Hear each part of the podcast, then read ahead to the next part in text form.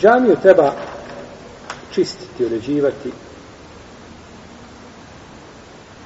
Kaže Ajša radijallahu ta'ala anha da je poslanik sa osem naredio da se grade džamije u kućama i da se čiste. Što su džamije u kućama? Ibn Ebu Davud je naslovio u svome poglavlju a, uređivanje i uljepšavanje džamija koje su u kućama.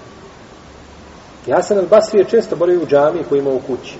Pa kad bi mu došao neko da ga traži koga ne voli, rekao bi sluškinji, idi recimo da sam u džamiji. I ona kaže da je u džamiji, čovjek odma u gradsku džamiju. A on kod kuće u džamiji, to se zove teorija, to nije laž.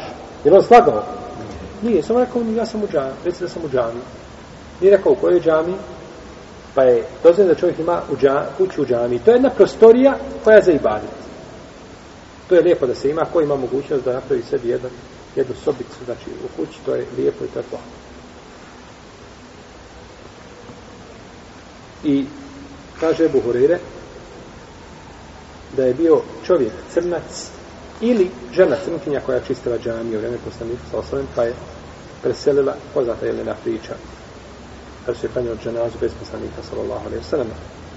I e, vidio je poslanik sallallahu alaihi sallam a, isplivak prema kiblim prema, prema kible ili pravcu kible koji je bio.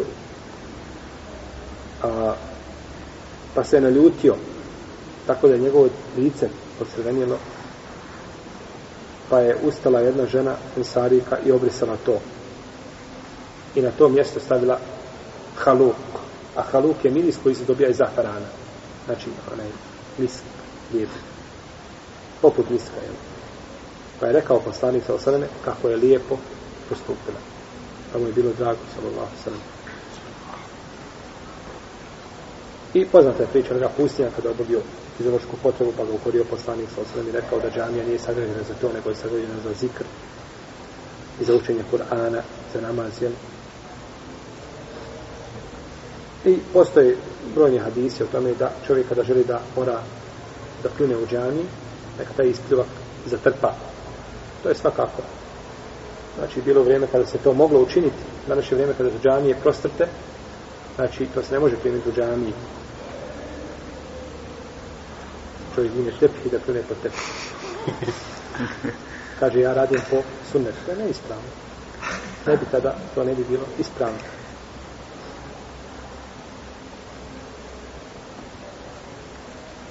Kaže poslanik sallallahu alejhi ve sellem u hadisu koga bilježi muslim pokazana su mi djela moga umeta. Dobra i loša. Pa sam vidio da je jedno od lijepih ili među najljepšim djelima da se ukloni stvar koja smeta prolaznicima sa puta. A vidio sam da je jedno od ružnih dijela da se vidi isplivak u džami koji nije ukopan. Koji nije šta? Ukopan, koji nije zatrpan. Znači da se zatrpa, tada ga nema. Uđe da se vidi, budući znači da su naše džamije prosto na ovakav način, to je ispravno raditi, to se ne može šta? Ne može zatrpati, to ostaje. To ostaje. Onda bi smo isto kazali, kada bi čovjek došao i obavio fiziološku potrebu džami, dovoljno je ovdje na tepi da se pospije šta? Je to dovoljno? Ali bolje smo još napravili. I drugo smo onda još uprljali ono što je došlo preko te vode, samo je raznijelo. Znači, to je prijedlo za džamije. Ako imamo džamiju koja ima to, onda se primjenjuje šta taj hadis. U protivnom se ne može primjenjivati. U protivnom se ne može primjenjivati.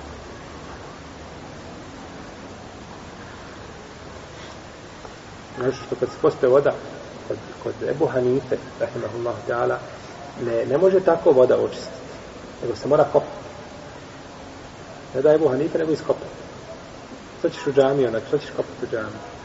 Ne bi znači se moglo to primjenjivati nikako ili na naši Tako da ne neko shvatio zašto je poslanik. Rekao je te znači hadise u određenim okolnostima. Pa kad se kod nas nađu te okolnosti, svakako ti hadise vrijedi. Ali ako nema tih okolnosti, onda onda ne bi vrijedili jeli, hadisi u onome klasičnom smislu. A sunnet ostaje sačuvan i jeli, sunnet poslanika sa osam je validan za sva podneblja, znači sva vremena.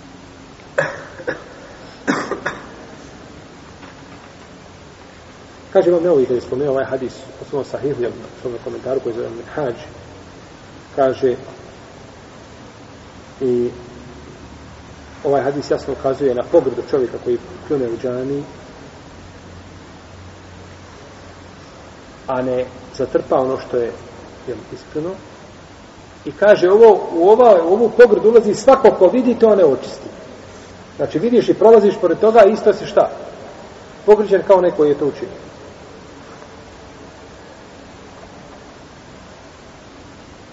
I prenosi se u predaj koji bliže Buhari Muslim da je poslanik sa osam vidio isplivak pa ga je očistio.